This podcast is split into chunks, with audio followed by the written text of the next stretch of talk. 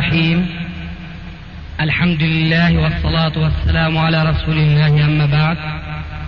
فهذا أحد أشرطة سلسلة الهدى والنور من الدروس العلمية والفتاوى الشرعية لشيخنا المحدث العلامة محمد ناصر الدين الألباني حفظه الله ونفع به الجميع قام بتسجيلها والتأليف بينها محمد بن أحمد أبو ليلى الأثري.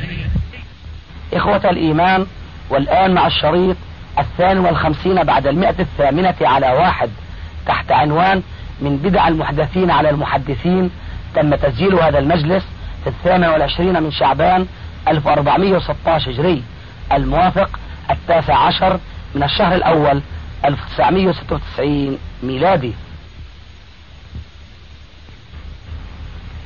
رياض شو رأيك خلي أبو ليلى يسجل؟ إيش رأيك يا شيخ؟ الرأي رأيهم أنه موافق الجماعة. التسجيل بيده.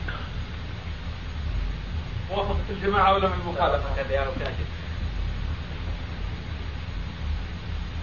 فقل يا شيخ طلب منهم أن يكتبوا ليصبح الشباب على بصيرة. فقالوا إن شاء الله غدا. وإلى أجل غير مسمى. من يقوم منهج المتقدمين المتأخرين حتى يعني نربط الموضوع أكيد بكلامك شيخنا. أنا كتبت لعبد الله سعد أنا كتبت لعبد الله سعد شيخنا رسالة. أسأله فيها عن منهجه. أول ما كما يقال شع شعاعه. قبل حوالي ثماني سنوات. آه, آه والله يا شيخنا. ما شاء الله. رسالة يعني لطيفة ودودة وتعارف وكذا فلم يجدني جواب منذ ذلك الحين. قبل أربع سنوات بعثني مع واحد أردني كان يشتغل هناك في الرياض يقول له سلم على فلان وقل له وصلت الرسالة وانتظر شرح المنهج في مقدمة كتاب سينزل في رواية ابن الزبير عن جابر وأيضا الكتاب إلى الآن ما نزل. يا شيخ شيخنا الشيخ سعد الحميد هو اللي نص عليه علم الحديث. أصبح ضجت عنده هذه المسألة فطلب من السعد مجالس فيقول له بعد أسبوع بعد أيام حتى كتب له كتابات من قال من من العلماء السابقين علماء السنة أو علماء البدعة في الحديث من قال بهذا المنهج وهذا التفريق؟ فأعطاه الأسئلة ولم يجيب على هذا أبدا. هذا منهجهم. هذا جهلهم. والمصيبة يا شيخ إذا كنا نقول هذا الأمر لا نبالغ فيه ولا يعني نتصدر لهذا الأمر إلا لما نعلم أن الشيخ عبد الله السعد هناك يحضر عنده فوق المئة ومئة وخمسين. فهؤلاء ما ذنبهم أن يسلكوا هذا المنهج المتخبط في الحديث. أنا كنت سمعت له شريطا يخاطب هؤلاء الطلبة الذين حوله وهم بلا شك يعني ما يعلمون شيئا بأنه يجب الاهتمام والعناية بنقد المتون. أيوة. مسجل يا شيخ أنا جمعت. أخونا الرياض سمع. عدة أشرطة من أشرطة السعد ثم اختار شيخنا أهم النقاط ليسهل عليك مراجعتها لأنه بجوز الشريط أحيانا آه. يتعب. أما هذه يعني بالكمبيوتر أنا كنت قرأت شيء من هذا قلت يا ويله. هذا نقد المتون بالكاد أنه يستطيع أن ينهض به كبار علماء الحديث. أو يذيع هذا بين إيش؟ الطلبة الذين لا يفقهون شيئا. والحقيقة أنه في هذا الزمان يصدق فيه على كثير من الناشئين من الطلاب المثل العربي القديم إن البواث بأرضنا يستنسر. والبواث كما تعلمون هو الطير الصغير يعمل ويتشبه بالنسر الكبير أو كما قيل تذبذب قبل أن يتحصرم أو كما يقول الحافظ الذهبي يريد أن يطير قبل أن يريش.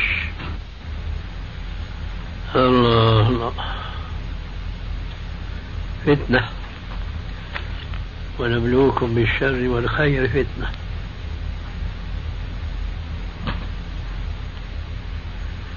كنا نشكو من الجمود أصبحنا نشكو من الفلتان والانطلاق بدون حدود ولا قيود أقول أذكر لكم كلمة قبل سنوات كنا في مجلس في مدينة الحصن هذا اللي عند إربد. فقلتم إن التقليد المنضبط خير من الاجتهاد الأهوج. صحيح. والله صحيح. الله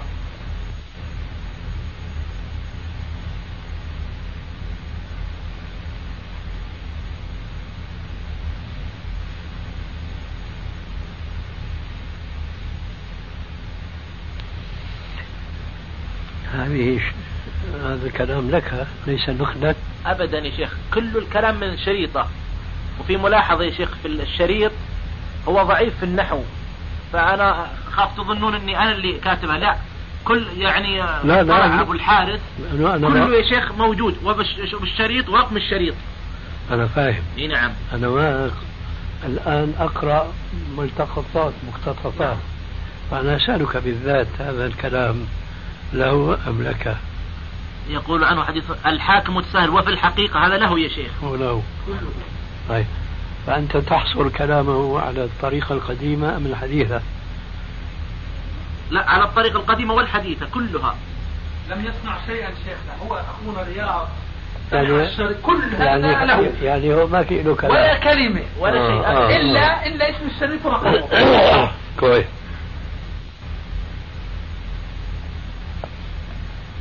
طيب أنت قرأت هذا. نعم. ووعيته ولا بد. إي نعم. فأنا كنت أريد أن أسأل. فبعد هذا التوضيح أسأل. هل وضح الفقرة الأولى؟ لا لم يوضحها يا شيخ. كأنها رؤوس أقلام عنده يعني. مم. يعني مجرد دعوة. مجرد دعوة.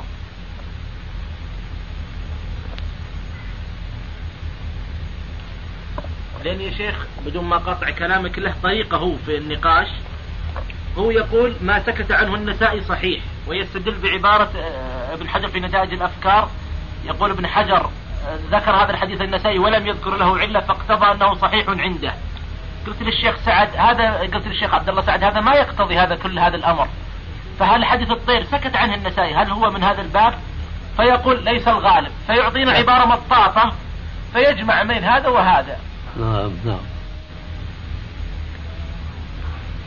اللهم اهدنا فيمن هديت. اللهم اهدنا فيمن هديت. يا شيخ في الرياض يعني أصبحوا محتارين. ينظرون إلى الشيخ الآن هو يعقد أمالي. يقول حدثنا شيخنا عبد الله بن الصديق الغماري بسنده ثم يسرد عنده حفظ يعني عجيب. لكن هذا ما يبرر. فيحضر عنده حوالي 200 أما شيخنا سعد الحميد ما يحضر إلا عنده عشرة. بالتأصيل في المصطلح من ألفية السيوط وتدريب الراوي أنها كلها. حتى فتح المغيث. فأصبحوا يحتارون. نقول لهم احضروا عند المجالس. اقرأوا السلسلة. اقرأوا لا بذات الألبان لكن لما يقرر في السلسلة. واقرأوا فتح المغيث قالوا ما فيه استقراء ما في منهج من المتقدمين. هذا غموض هذا جمود وهذه عبارات. الله المستعان. شيخنا يعني كلمة الدعوة للاستقراء والصبر في هذه الأزمان المتأخرة التي لا يوجد بين أيدي أهل الحديث المشتغلين به سوى الواحد والاثنين من كتب أهل الحديث إلا النذر اليسير. كيف يعني يستطيعون أن يطلقوا ألسنتهم بكلمة الاستقراء والتتبع والصبر؟ الأهواء الأهواء تعمي وتصل الأهواء والجهل. الله أكبر. اي نعم. جاي بعض الشباب من سوريا.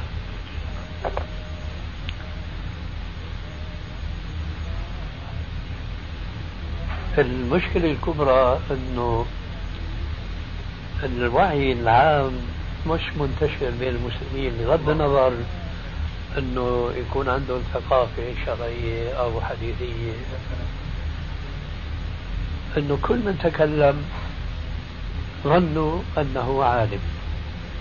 هذا معناه في يعني بساطة في التفكير وسذاجة نعم. طرح علي هذا الشاب من سوريا سؤالا. بيقول عندنا بعض الناس اليوم أو قبل هذا يقول نحن نعرف أنه من القواعد الأصولية أن الأصل في الأشياء الإباحة. شو رأيك بخليل قلت له هذا هو المعروف. قال نبت عندنا نابتة يقولون لا الأمر ليس كذلك. والشاهد ليس مجرد هذا النفي وإنما الدعم لهذا النفي. قال واستدل بقوله عليه السلام كل شرط ليس في كتاب الله فهو باطل ولو كان مئة شرط. قلت له هذا لا يؤيد بالعكس هذا يثبت أنه لا يجوز وضع شرط لم يشرعه الشارع. قال هو يقول طيب هو يقول بأنه في رواية كل عقد بدل كل شرط. قلنا له هذه الرواية أولا غير معروفة ومخالفة لرواية الصحيح. ثم مع ذلك هذا لا يثبت عكس القاعدة. الشاهد من كلامي قلت يعني أنتم مشكلتكم أن كل من تكلم ظننتم فيه أنه عالم. يا أخي لا تهتموا بكل من يتكلم. وعليكم السلام ورحمة الله وبركاته. أقول الفكر استنتج شيخنا فكر المتقدمين المتأخرين الشيخ سعد الحميد أنه منطلق من مكة. أن أعطيناه رسائل الملي باري نظرات في علوم الحديث والحديث إلى آخره. فكل من أتى بهذا المنهج كانت له دراسة مسبقة في مكة. الآن يا شيخ كتب الملي باري في الرياض مجرد ما تنزل تنفذ النسخ خلال أربعة أيام. أنا تتبعت هذا باستقرأ على ما يقولون. حمد المليباري واحد ظهر عالم من الهند الآن مقيم في الجزائر. آخر ما نزل له يا شيخ. كان مدرس في جامعة دار الحديث في مكة. أول دار الحديث في مكة. كان عبد الله أظن جامعة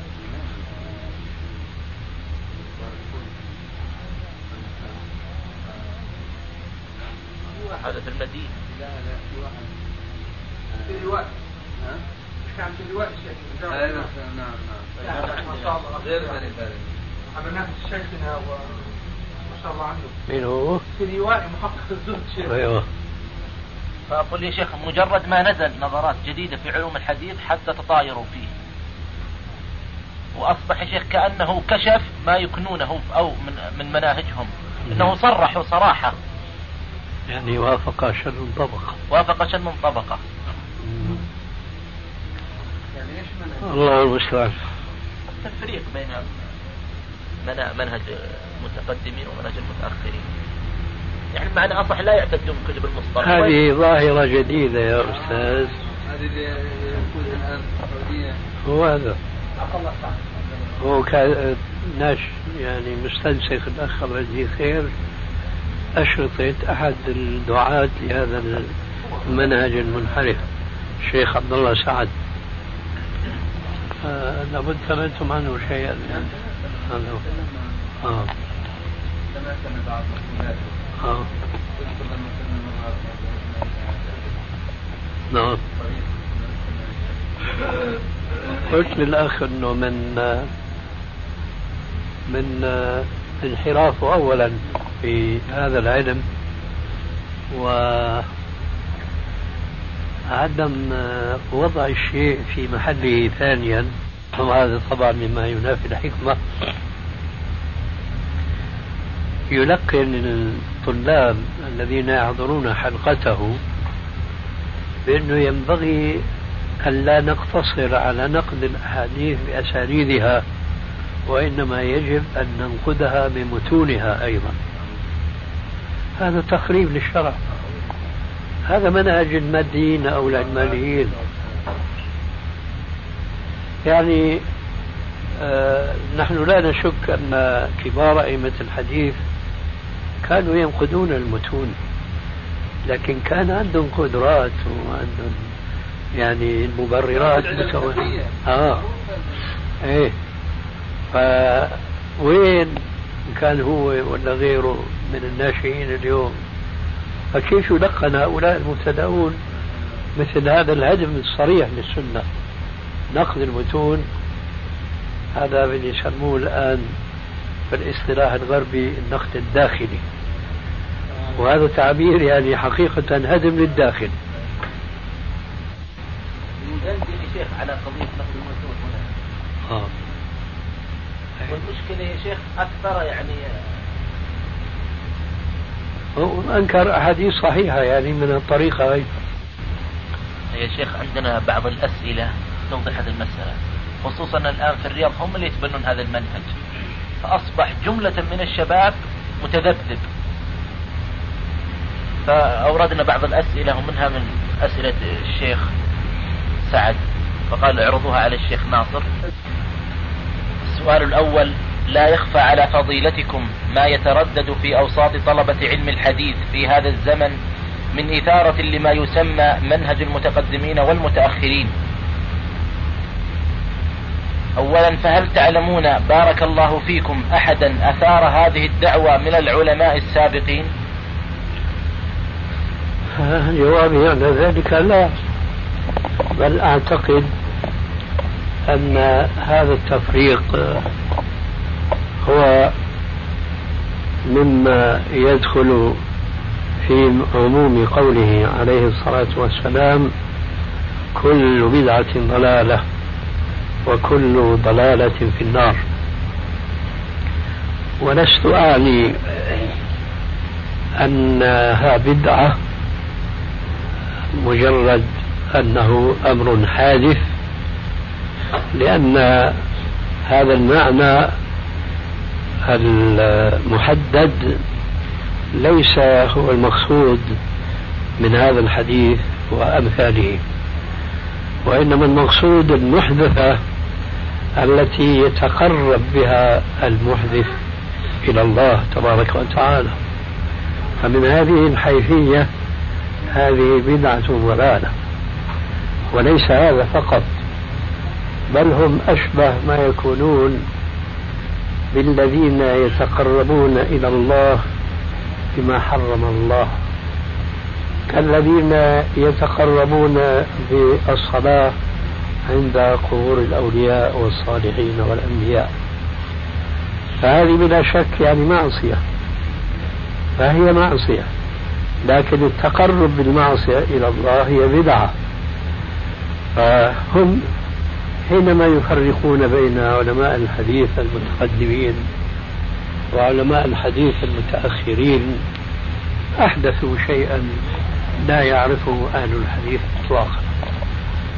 ولو أنهم وقفوا عند هذا الإحداث فقط لربما كان الخط سهلا لكنهم أضافوا إلى ذلك أنهم يتقربون بهذا الإحداث إلى الله ثم زادوا كما يقال في الطين بلة أنهم يخربون السنة ويقضون عليها بمثل هذا التفريق. ثم مما لا شك فيه أن هذا التقسيم مجرد خاطرة خطرت في بال أحدهم وهو الذي سن هذه السنة السيئة فعليه وزر وزر من عمل بها إلى ما شاء الله ولعله يقضى عليها قريبا بإذن الله تبارك وتعالى. فالمقصود أن هذا التقسيم لا سبيل إلى وضع حدود له. فما هو من هم علماء الحديث القدامى ومن هم المحدثون منهم من بعدهم؟ كنت أظن سمعت شريطا لهذا فأنت باعتبارك أنك حديث عازم بالاستماع الاستماع لأشرطته تذكرني إن أصبت أو أخطأت. في ذهني وهذا من سنين كنت قرأت شريطا له أو سمعته يجعل الإمام الدار قطني. هو هو كذلك؟ أوردنا عليه يا شيخ هذا السؤال. آه. فقال لم أقل هكذا. آه إيش قال؟ أنا أقول الغالب أن من أتى بعد الدار قطني. شوف الكلمات أنا أقول شيخنا أنا أقول الحد هو بداية القول بهذه السرية من قالها هو الذي يبدأ العهد الجديد في هذه المسألة. لكن شيخنا في مسألة تفضل. الملي باي يا شيخ إضافة على التقسيم. يفرق يقول التقسيم الصحيح ليس 300 التقسيم الصحيح هو أن نقول هناك مرحلة الرواية وهناك مرحلة ما بعد الرواية. مرحلة الرواية هي ما تسمى بالمتقدمين الآن. عصر الإسناد وعصر الرواية تأخذ بالحفظ. أما ما بعد مرحلة ما بعد الرواية فهي مرحلة ما إلى إلى من بعد آه، القرن السادس وهكذا. التي قعدوا ما حفظوا أولئك في المرحلة الأولى. لا حول ولا قوة يعني إيش معنى هذا؟ علم الحديث المصطلح تضيع عليه ما يقول يا شيخ هو يجعل فرق كما أسلفتم في كلامكم. أن المتقدمين والمتاخرين الفرق بينهم أن من أتى بعد الدار قطني في الغالب تغير المنهج. ثم هو يقول أن من بعد الخطيب البغدادي من الخطيب البغدادي وبعد تغير المنهج الصحيح لعلم الحديث وهو مكتوب هنا في الكفاية. ثم يفرق يقول منهج في الخطيب في الكفاية على منهج المتأخرين. أما في الزيادة وما يتعلق فيها وهذه مخطوطة للخطيب لم تخرج بعد أنه سار فيها على طريقة المتقدمين. يعني معنى هذا الكلام أن رجل أحاط بعلم المتقدمين وعلم المتأخرين في الحديث ثم استطاع أن يميز المتقدم من المتأخر. هو بالكاد أن يحيط علما بما سطر في كتب المتأخرين فضلا عن أن يحيط بعلم المتقدمين مبثوث الموزع في عشرات الكتب. الله المستعان. صدق رسول الله. إذا لم تستحي فاصنع ما شئت. نعم. الطلبة الصغار يعني قام أحدهم يقول لأحد آه، المدرسين في عندنا في قسم الحديث وصول الدين قال ما قال يا شيخ أن الفرق آه، آه، الفاصل بين المتقدمين والمتأخرين هو ما سطره صاحب ميزان الاعتدال الذهبي في مقدمة كتابه.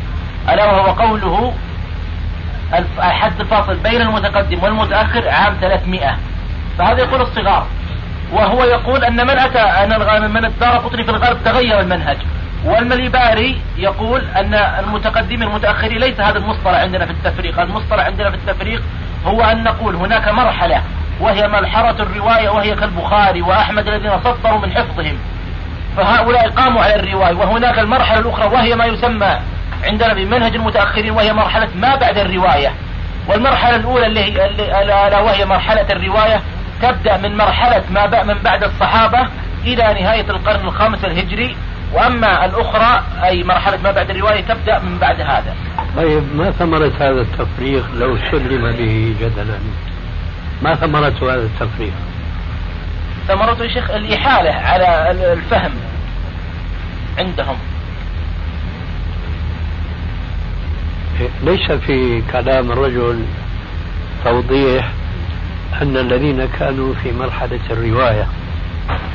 هل كانوا ينطلقون في الرواية تصحيحا وتضعيفا وترجيحا وتعديلا ونحو ذلك؟ كانوا ينطلقون في أثناء الرواية حول هذه العلوم التي سجلت فيما بعد. وسمي بعلم مصطلح الحديث. لا يوجد توضيح عن هذه الفكرة. بلا شك انه علم رواية الحديث انقطع في القرون المتأخرة لكن ما ثمرة هذا التفريق. ليس في لعله في مكان آخر مثلا يتعرض لبيان ثمرة هذا التفريق. يعني أئمة الحديث الأولين كأصحاب السنن والصحاح ونحو ذلك. هؤلاء من علماء الرواية فيما تنقل. هل يعني أنهم لم يكن عندهم دراية؟ لا. هذه مشكلة. فإذا الكلام صف كلام ليس تحته ثمرة. وفلسفة يعني آه، ليس لها يعني نهاية وتوجيه لطلاب العلم.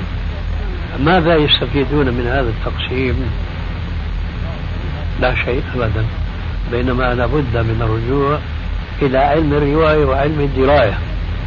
وعلم الدراية تنقسم إلى قسمين كما هو معلوم علم مصطلح الحديث وعلم أصول الفقه.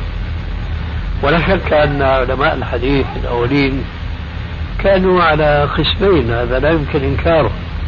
ومنهم من كان عالما بالرواية وبالدراية معا ومنهم من كان حاملا للعلم وهي رواية في الحقيقة ولذلك أنا أستهجن هذا التقسيم لأن في إشعارا بهضم حقوق أولئك الرواة من حيث أنهم كانوا علماء بما يروون ويعرفون ما يرون من صحيح ومن ضعيف وما شابه ذلك.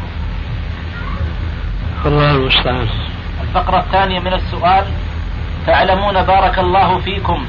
أحدا أثار هل, هل هناك مسألة علمية أخذ بها المتأخر لم يقل بها من المتقدمين أحد؟ أعني في علم الحديث. لا أعتقد أنه يوجد شيء من هذا هذا علمي. لكني لا أستبعد أن يكون هناك قول قديم أخذ به بعض المتأخرين مرجحين له على غيره. هذا ممكن. وهذا الحقيقة الذي أنا أفهمه أن القول في هذه المسألة الحديثية كالقول في مسألة من المسائل الفقهية. أي أنه كما أنه لا يجوز أن يتبنى الفقيه حقا في هذا الزمان قولا محدثا لم يسبق إليه من أحد الأئمة المتقدمين كذلك لا يجوز لمن كان عالما بعلم الحديث أن يتبنى رأيا جديدا لم يسبق إليه من أحد علماء المتقدمين. كل ما يجوز لهؤلاء وهؤلاء هو أن يت... أن يرجحوا أو أن يتبنوا رأيا من رأيين أو أكثر. أما أن يبتدعوا فلا. وعلى هذا أقول لا أعتقد أن هناك مسألة لم يقل بها أحد أو رأي لم يقل به أحد ممن سبقنا.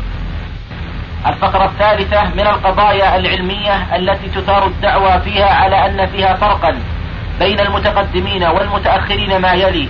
التدليس الاختلاط تحسين الأحاديث.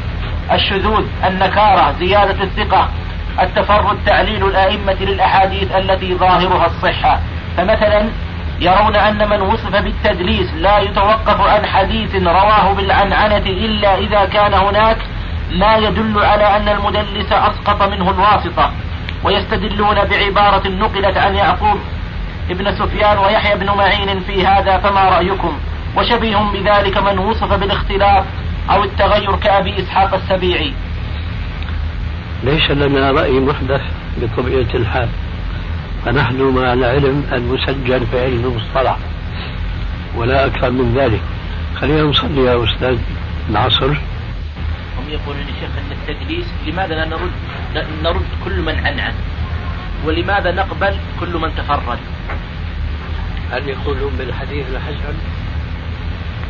إي نعم يا شيخ يقولون بالحديث الحسن. لماذا ما معنى الحديث الحسن هل هو كالحديث الصحيح؟ هو دونه.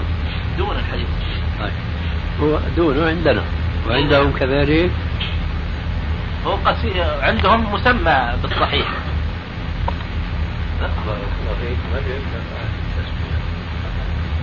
هو هذا شوف الاصطلاح الحديث. كل حديث يحتج به فهو صحيح. نعم. يدخل تحت الحسن لكن من دقة من جاء بعده مثل هذا الخلاف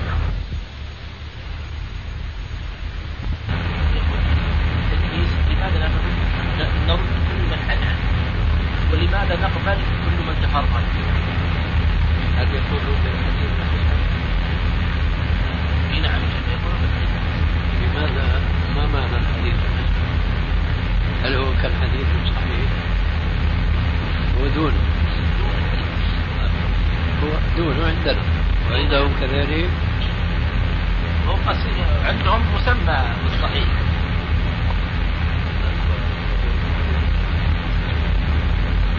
هو هذا شو؟ اصطلاح. كل حديث يحتج به فهو صحيح.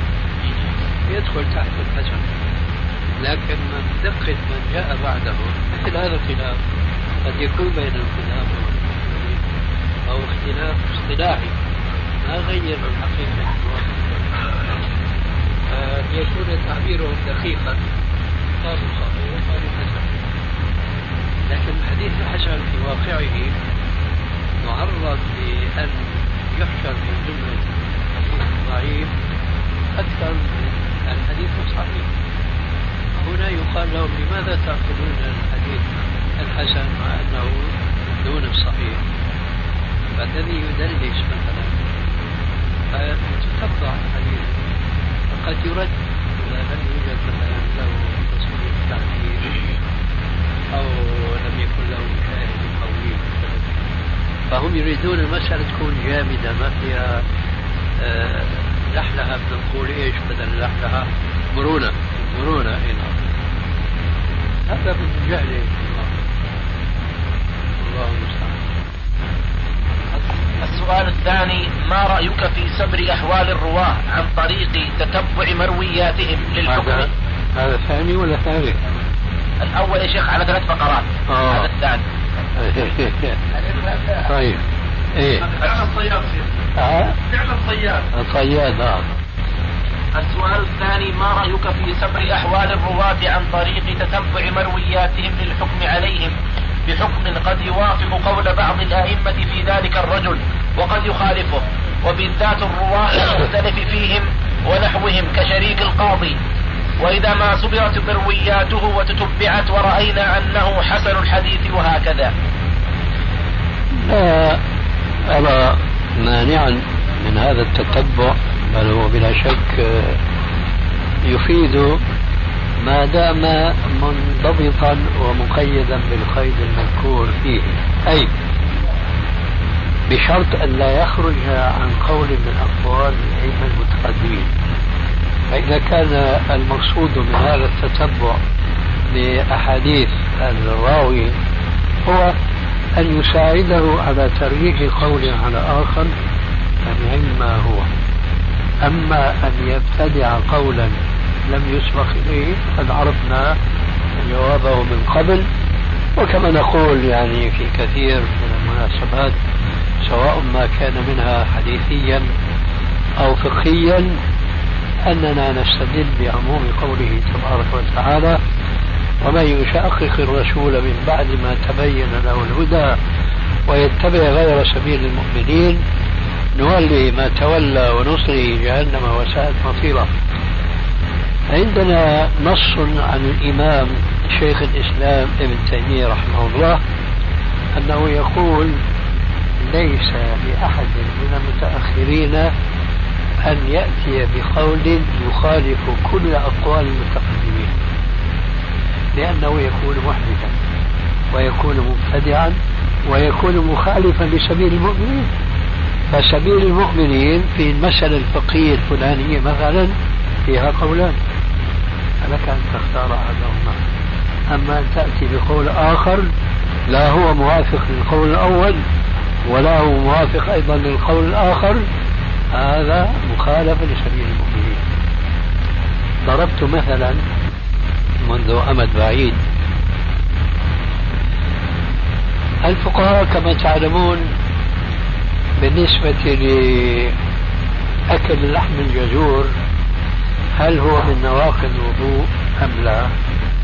لهم قولان أحدهما ينقض وهذا هو الصحيح دليلا أو استدلالا والآخر لا ينقض. لكن هؤلاء الذين يقولون لا ينقض يستحبون الوضوء من لحم الجزور وجدنا قولا لم يقل به أحد ممن سبق أو لحق وإنما تفرد به ذلك الصوفي الذي يعرف بمحي الدين. فقد كنت بزماني قرأت كثيرا من كتبه وبخاصة كتاب الضخم الفتوحات المكية. سبحان الله هذا الرجل يجمع بين متناقضات. فهو في الفقه ظاهري جامد. وفي التصوف ملحد يقول بوحدة الوجود.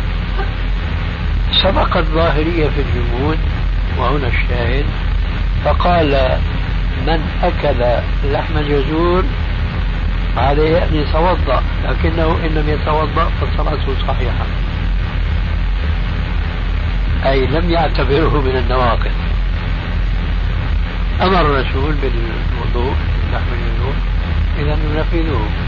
لكن لا ارتباط بين هذا وبين الصلاة. حكم مستقل تماما على هذا نحن نقول دائما ننطلق في الفقه وفي الحديث من هذه القاعدة القرآنية. ألا يتبع غير سبيل المؤمنين وإنما أن يتبع سبيل المؤمنين فإذا كان إذا المقصود من هذا الاستقراء والتتبع لحديث الراوي هو أن يتخذ ذلك سبيلا لترجيح قول من أقوال العلماء المتقدمين في هذا الراوي فنعم ما هو.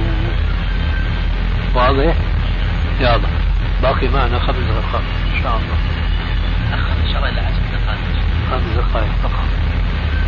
السؤال الثالث قضية التحسين. هناك قضية التحسين. تحسين نعم. هناك من يرى أنها ليست حكما على السند من حيث النظر في من حيث النظر في في ثقة الرجال واتصاله ولكنها تعني صلاحيته للعمل أو جريان العمل عليه مع كونه منحطا عن رتبة الصحيح إلى الضعيف ضعفا محتملا وربما وربما قصد بالتحسين الغرابة والتفرد. وهناك من يرى أن الحسن لغيره وقبول الحديث بمجموع طرقه إنما نشأ عند المتأخرين فنرجو التفصيل في هذا. التفصيل الآن لا مجال فيه لكن أقول هذا الذي يعني يقول هذا الكلام وأنا لا أدري من هو القائل إنما يهرف بما لا يعلم الحديث الحسن عند علماء الحديث معروف أنه ما توفر فيه كل شروط الحديث الصحيح إلا أن أحد رواته خط ضبطه هذا هو الحديث الحسن. هو خلط من جملة خلطه الذي أشرت إليه أنه قد يطلق, يطلق الحسن على حديث الغريب. هو العكس هو الصواب. قد يطلق الغريب على الحديث الحسن بل وعلى الحديث الصحيح أيضا. لأن علماء الحديث يقولون الغرابة قد تجامع الصحة. ذلك لأن المقصود بالغرابة هو التفرد. فلا فرق بين من يقول هذا حديث غريب وبين من يشرح فيقول تفرد بهذا الحديث فلان. حين ذاك حينما ننظر في المتفرد أهو ثقة؟ قلنا حديثه صحيح. أهو دون الثقة ضبطا؟ قلنا حديثه حسن. آه قلنا إنه ضعيف الحفظ؟ الحديث حين ذاك ضعيف. الغرابة جامع الحسن والصحة وليس الحسن يطلق ويراد به الغرابة. هذا خطأ. والمهم أن الحديث هذا كلام كله نابع من معين الواحد معين عكر يعني آه. لأنه لا يعترف لا يتعرف على المصطلح. فالحديث الصحيح ينقسم لذاته ولغيره والحسن أيضا لذاته ولغيره. فقد يكون الحديث أرادوا يقول الحسن بمجموع طرقه. هذا يكون أحيانا. لكن الحديث الحسن إذا أطلق فالمقصود حديث حسن بذاته ولذلك فالإمام الترمذي آه، ولعله من القرون التي يطلقون على الجيل الأول من علماء الحديث فإنه تلميذ الإمام البخاري ولم يجاوز القرن الثالث فهو قد اصطلح على تقسيم الحديث عفوا تقسيم الحديث إلى صحيح وحسن بل لعلي آه، أطلقت القول بأنه اصطلح لأن الحقيقة أن الذي اصطلح على هذا هو شيخه البخاري. وإنما التلميذ الترمذي أشاع هذا الاستعمال في كتابه السنن لكنه فرق بين الحديث الحسن لذاته والحسن لغيره. حيث ذكر في آخر كتابه السنن في العلل التي تعرف بالعلل الصغرى فرق بين ما إذا كان الحديث حسنا لذاته أو حسنا لغيره عنده فيقول في الحديث الحسن لذاته حديث حسن غريب. أما إذا كان الحديث حسنا لغيره لا يكون غريب يقول حديث حسن. أي أنه تقوى بمجموع طرقه وقد نص على أنه يشترط عنده أن لا يكون في تلك الطرق من هو متهم بالكذب. وبهذا القدر كفاية والحمد لله رب العالمين.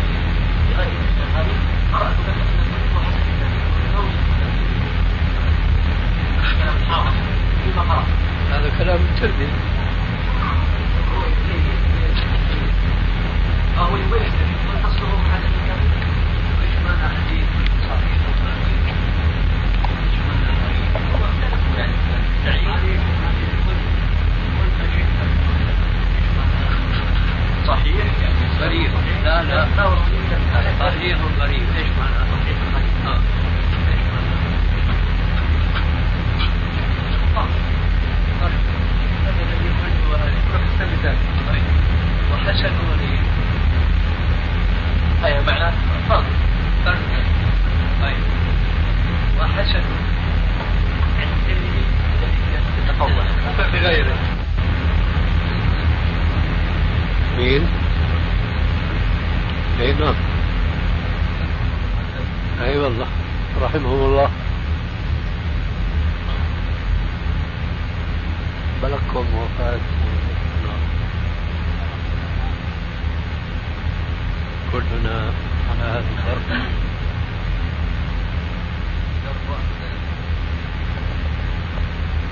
نسأل الله الوفاة بالإيمان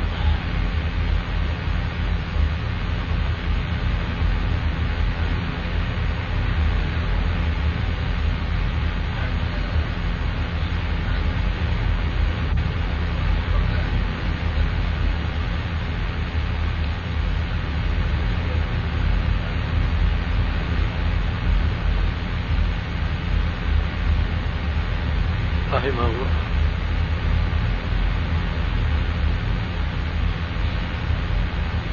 إحنا طبعا كنا التقينا معه في الجامعة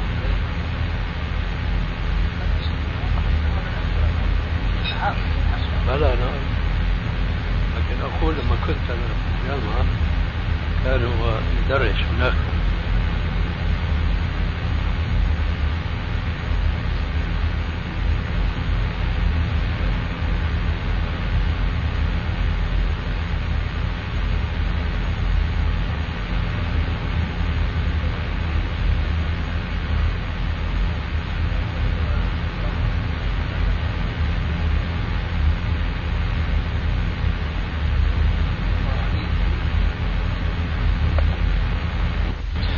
وسبحانك اللهم وبحمدك أشهد أن لا إله إلا أنت أستغفرك وأتوب وبعد فنسأل الله سبحانه وتعالى أن يجزي الشيخ خير الجزاء وأن ينفع الجميع بما سمعوا. أيها الإخوة انتهت مادة هذا الشريط ولأنه بقي في الشريط متسع فيسرنا إكماله بهذه المادة. حديث مثلا إذا كان في مجموعة من العلل انقطاع وتدليس مثلا وجهالة هل يكون ضعيفا جدا أم يكون ضعيف فقط؟ الضعف الشديد إنما يأتي من التهمة أو الكذب أو الوضع أو ما شابه ذلك. أما مجرد اجتماع علل آه، يعني ليست في ذاتها ضعفا شديدا فلا تكون باجتماعها ضعفا شديدا. والله تعالى أعلم. تفضل. شيخنا نجد بعض المشتغلين بعلم الحديث قد صحح أحاديث ضعفها آخرون. يعني آه، كلام عن الحديث الشاذ شيخ فنريد ضابط الحديث الشاذ وزيادة هذه المسألة على اجتهاد الحقيقة أن مسألة الشذوذ وزيادة الثقة من المسائل الدقيقة جدا والتي يعني لا أريد أن أقول لا ضابط لها ولكن ضابطها عسير جدا. وهي من أدق أنواع علم العلل علم العلل بحد ذاته أدق الأنواع فهذا من علم العلل أدق الأنواع. والذي ينشرح له صدري في ذلك أن مجرد أن مجرد التفرد ليس مخالفة. وإلا لو فعلنا ذلك لحكمنا وهذا من توفيق الله عز وجل في هذين المثالين. لحكمنا على أول حديث في صحيح البخاري وآخر حديث بأنهما ضعيفان. لأن أول حديث أنا معلوم النيات وآخر حديث خصل آه كلمتان خفيفتان على اللسان. كلاهما أحاديث تفرد فيها الصحابي وتفرد عن الصحابي التابعي وتفرد عن التابعي تابع التابعي. حينئذ نقول ما هو الضابط؟ بل في أول حديث اللي هو حديث آه إنما العمل بالنيات الإمام أحمد قال عن محمد بن إبراهيم التيمي قال منكر الحديث. ماذا تقولون؟ أقصد ماذا يقولون؟ إذا هذه نقطة. فلنقف في نفس حديث إنما الأعمال بالنيات إنما الأعمال بالنيات رواه البخاري في صحيح في سبعة مواضع. هل المواضع السبعة رواها بنفس اللفظ؟ لا. لماذا لم يحكم؟ هو أو غيره من أهل العلم على الألفاظ التي خالفت الرواية رواية الجادة بالشذوذ. إذا كانت قضية لفظية إذا هم راعوا إيش؟ المعنى في الحكم بالمخالفة. نعم قد لا قد لا ترد مراعاة المعنى في الحكم بالمخالفة وإنما ينظر للتفرد لكن في من لا يحتمل تفرده. في من يقع في قلب المحدث أن هذا الراوي لا يحتمل مثل ذلك. النص والزيادة. والمسألة تحتاج إلى شيء من التفصيل أكثر لكن هذا خلاصة ما أرى والله أعلم. تفضل. نعم. والله أنا عندي كتاب منذ سنوات الحقيقة لكن أجمع له يعني مسائل نظرية متعددة. ولا أبني أصلا على المثل والمثلين كما فعل المليباري في كتابه الموازنة بين المنهج والتقدم المتأخرين بنى منهجا على مثلين. وكلا المثلين المذكورين عنده منقوضان بكلامه مما نقله بيمينه. هل, هل هذا علم؟ بناء منهج. وقسم للأمة قسمين على مثلين الحديثين لا حول ولا قوة إلا بالله. نعم. شيخنا يتبنى بعض المعاصرين المشتغلين بالحديث نظرا. لا تصحيحا ولا وتضعيفا. آه، قول ابن الصلاح في مسألة تصحيح التضعيف ويستريد كذلك على قول كلام للذهب موهم في مقدته يقول فيه رحمه الله وهذا في زماننا يعثر نقده على المحدث فإن أولئك الأئمة كالبخاري وأبي حاتم وأبي داود عاينوا الأصول وعرفوا عللها. وأما نحن فطلت علينا الأسانيد وفقدت العبارات المتيقنة تفتح النافذ من هناك شوي خلاص. شوي بس على نعم. قال رحمه الله وما نحن فطلت علينا الأسانيد وفقدت العبارات المتيقنة وبمثل هذا ونحوه دخل الدخل على الحاكم في تصرفه في المستدرك. فنريد من شيخنا كلاما حول هذا أنا أعلم جيدا أن كلام ابن الصلاح وبعده كلام الإمام الذهبي هذا إنما هو في تعسير القضية وليس في إغلاق بابها لذلك الآن كلام الذهبي ماذا قال؟ يعسر نعم. وكلام ابن الصلاح ماذا قال؟ يتعذر. فالقضية هذه صحيحة. لا شك ولا ريب أن التعذر موجود والتعسير موجود. حتى لا يدخل هذا الباب من ليس أهلا له. وحتى لا يتناوشه من هو دونه. لذلك ليس الأمر مفتوحا لكل أحد كما أنه ليس مغلقا دون كل أحد إنما مفتوح لمن هو أهل له بشرطه الشرعي وبقاعدته الشرعية. هذا هو. لذلك لا يرد علينا كلام ابن الصلاح أصلا فضلا عن كلام الذهبي تبعا. فكلامه عن التعسير والتعذر وهذا أمر نحن نوافقه. نحن نوافقه. لذلك من فهم من كلام الإمام ابن الصلاح أنه أغلق الباب هذا مخطئ. هذا مخطئ. وإن كان هو المشهور بين كثير من الذين يؤلفون في المصطلح ويتكلمون فيه وما شابه ذلك. والله تعالى أعلم. نعم. هناك شيخنا شبهة يقولون آه، مثلا آه، إذا صحح الحديث من بعض المعاصرين ولم ينص أحد من السابقين على تصحيحه فهذا يغلب على الظن أنه قد تكون علة خفية لم يقف عليها هذا أنا أسأل أنا أسأل سؤالا لهؤلاء النظريين الذين يعيشون بالنظر فقط ولا يعيشون بالعمل كم هو عدد الأحاديث التي صححها المتقدمون؟ أنا لا أقول كثيرا. قليلا بالمقابل أقول هي قليلة. يعني الآن استثني البخاري ومسلما. وانظر إلى الأحاديث التي صححها ابن المديني أو أبو زرعة أو أبو حاتم أو ابن معين أو ما شابه ذلك. محدودة. ومحدودة جدا. ولو جمعت لن تكون في تصوري عشر المرويات الموجودة سواء تضعيفا أو تصحيحا. إذا هذا من هؤلاء حكم على تاريخ السنة عبر 12 قرنا بالإغلاق.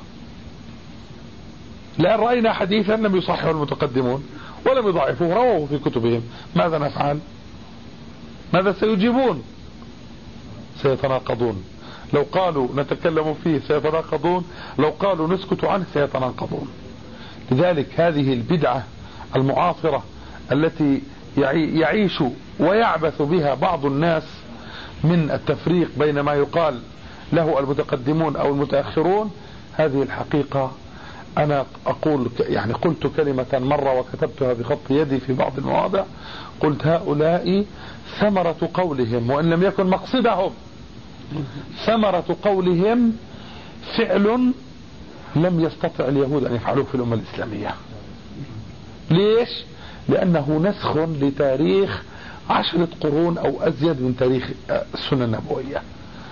وبالتالي حتى نعيد النظرة في السنة على وفق ما هم يريدون ويرون من التفريق بين المتخلفين والمتأخرين لا أقول نحتاج إلى عشرة قرون وإنما نحتاج إلى مئة قرن لأن العلماء الذين تكلموا في السنة عبر القرون العشر الماضية ليسوا كأمثالنا اليوم ولا كأمثال من بعدنا.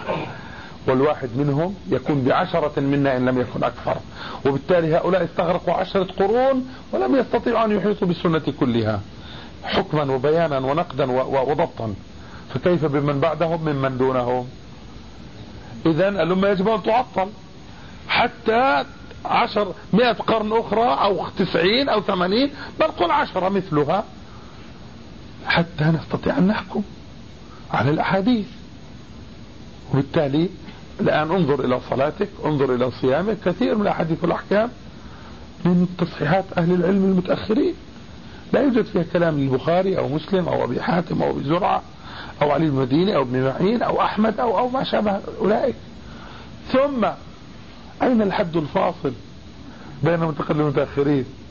ثم لو كان هنالك شيخ تقدمت وفاته وتلميذ تأخرت وفاته من منهما يعد المتقدم من المتأخر. تناقضات بعضها فوق بعض والعياذ بالله تعالى. ولو تأملوا لعرفوا ذلك لكنهم للأسف لم يفعلوا وعسى أن يفعلوا. نعم. شيخنا من عجب تناقضهم أنهم يقولون يحكم على السند بالصحة لا على الحديث ويوجبون العمل بهذا. ألا ترون هذا تناقض؟ فلا شك تناقض بين. ثم هذا التناقض الذي منهم لماذا رضوه لأنفسهم ولم يرضوه لعلمائهم؟ يعني يقولون نحن نعسر ونغلق والكلام الذي الحديث الذي صححناه ولا نجد المتقدمين فيه كلاما نتوقف فيه. ثم إذا بهم إيش؟ يفعلون ويخالفون ويناقضون. نعم تفضل. قرار اللجنة الأخير محاولة الآن المرض نعم. يعني استنبط وخرج من الناس يعني قولين قول يعني الأول أن يعني هؤلاء الذين يكتبون في مجال العقيدة فهم مرجعة يعني القول الثاني بأن الذين يقسمون ويقصدون فبأنهم لم لم لم يقرأوا قد يكتبوا ولم يقرأوا قد يكتبوا ويقسمون له. يعني طبعا هذا قول قد يقال بل أقول قد قيل وليس كل ما يقال صحيحا فضلا عن أن يكون كل ما قيل سالما من النقد والعيب. وهذا الكلام من عدة وجوه. أما الأمر الأول فإن من قواعد أهل العلم أن لازم المذهب ليس بلازم. الآن سماحة الشيخ عبد العزيز بن باز في تعليقه على فتح الباري المجلدات الثلاثة الأولى هل استوفى كل خطأ وقع فيه ابن حجر؟ بحيث إذا وجدنا حديثا ضعيفا سكت عنه ابن حجر نقول هذا الحديث يصحح الشيخ بن باز لأن الشيخ بن باز لم يعلق عليه أو مسألة من المسائل الأخرى. هذا كلام لا يقوله أحد. لذلك جاء الشيخ عبد الله الدويش واستدرك تعقبات أخرى وقع بها ابن حجر مما لم ينبه عليه الشيخ بن باز.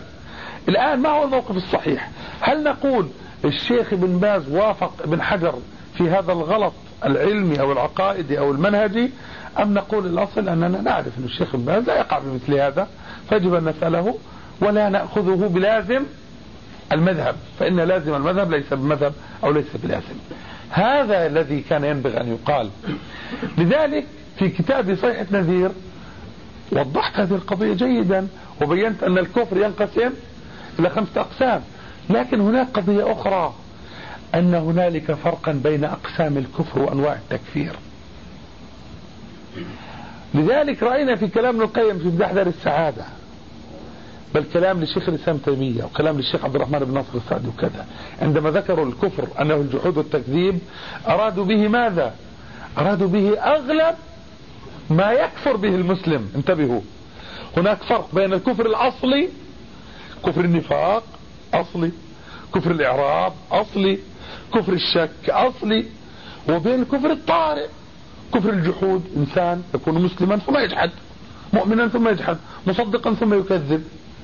ولكن هل هذه الأغلبية تنفي أن يقع نوع من أنواع النفاق أو الإعراض أو الشك من بعد؟ لا تنفي. إذا الحكم أغلبي وليس حصرا لو تؤملت هذه القضية لما وقع الذي وقع. لذلك القضية كما قلت وضحتها في كتابي صح نذير قبل قرار اللجنة بسنتين. قبل قرار اللجنة بسنتين. ومن أجل ذلك لما رأيت أن بعض الناس قد يفهم أو قد يقع على قد يقع في ذهنه هذا اللزوم والإلزام بما لا يلزم كتبت توضيحين. التوضيح الأول تأييد للرسالة. التوضيح الثاني أن بعض الناس فهموا أن توضيحي تراجع. فأقول أتراجع عن ماذا؟ هل أتراجع عما أنا قائل به أصلا؟ هذا لا لا يكون. فكتبت توضيحا آخر وممكن أن نصور لكم منه فهو عندنا موجود منه نسخة هنا. والمسألة أوضح من أن تذكر بحمد الله. والآن لي كتاب نسأل الله أن يعيننا عليه بعنوان نصوص العلماء والأئمة في مسألة التكفير المهمة.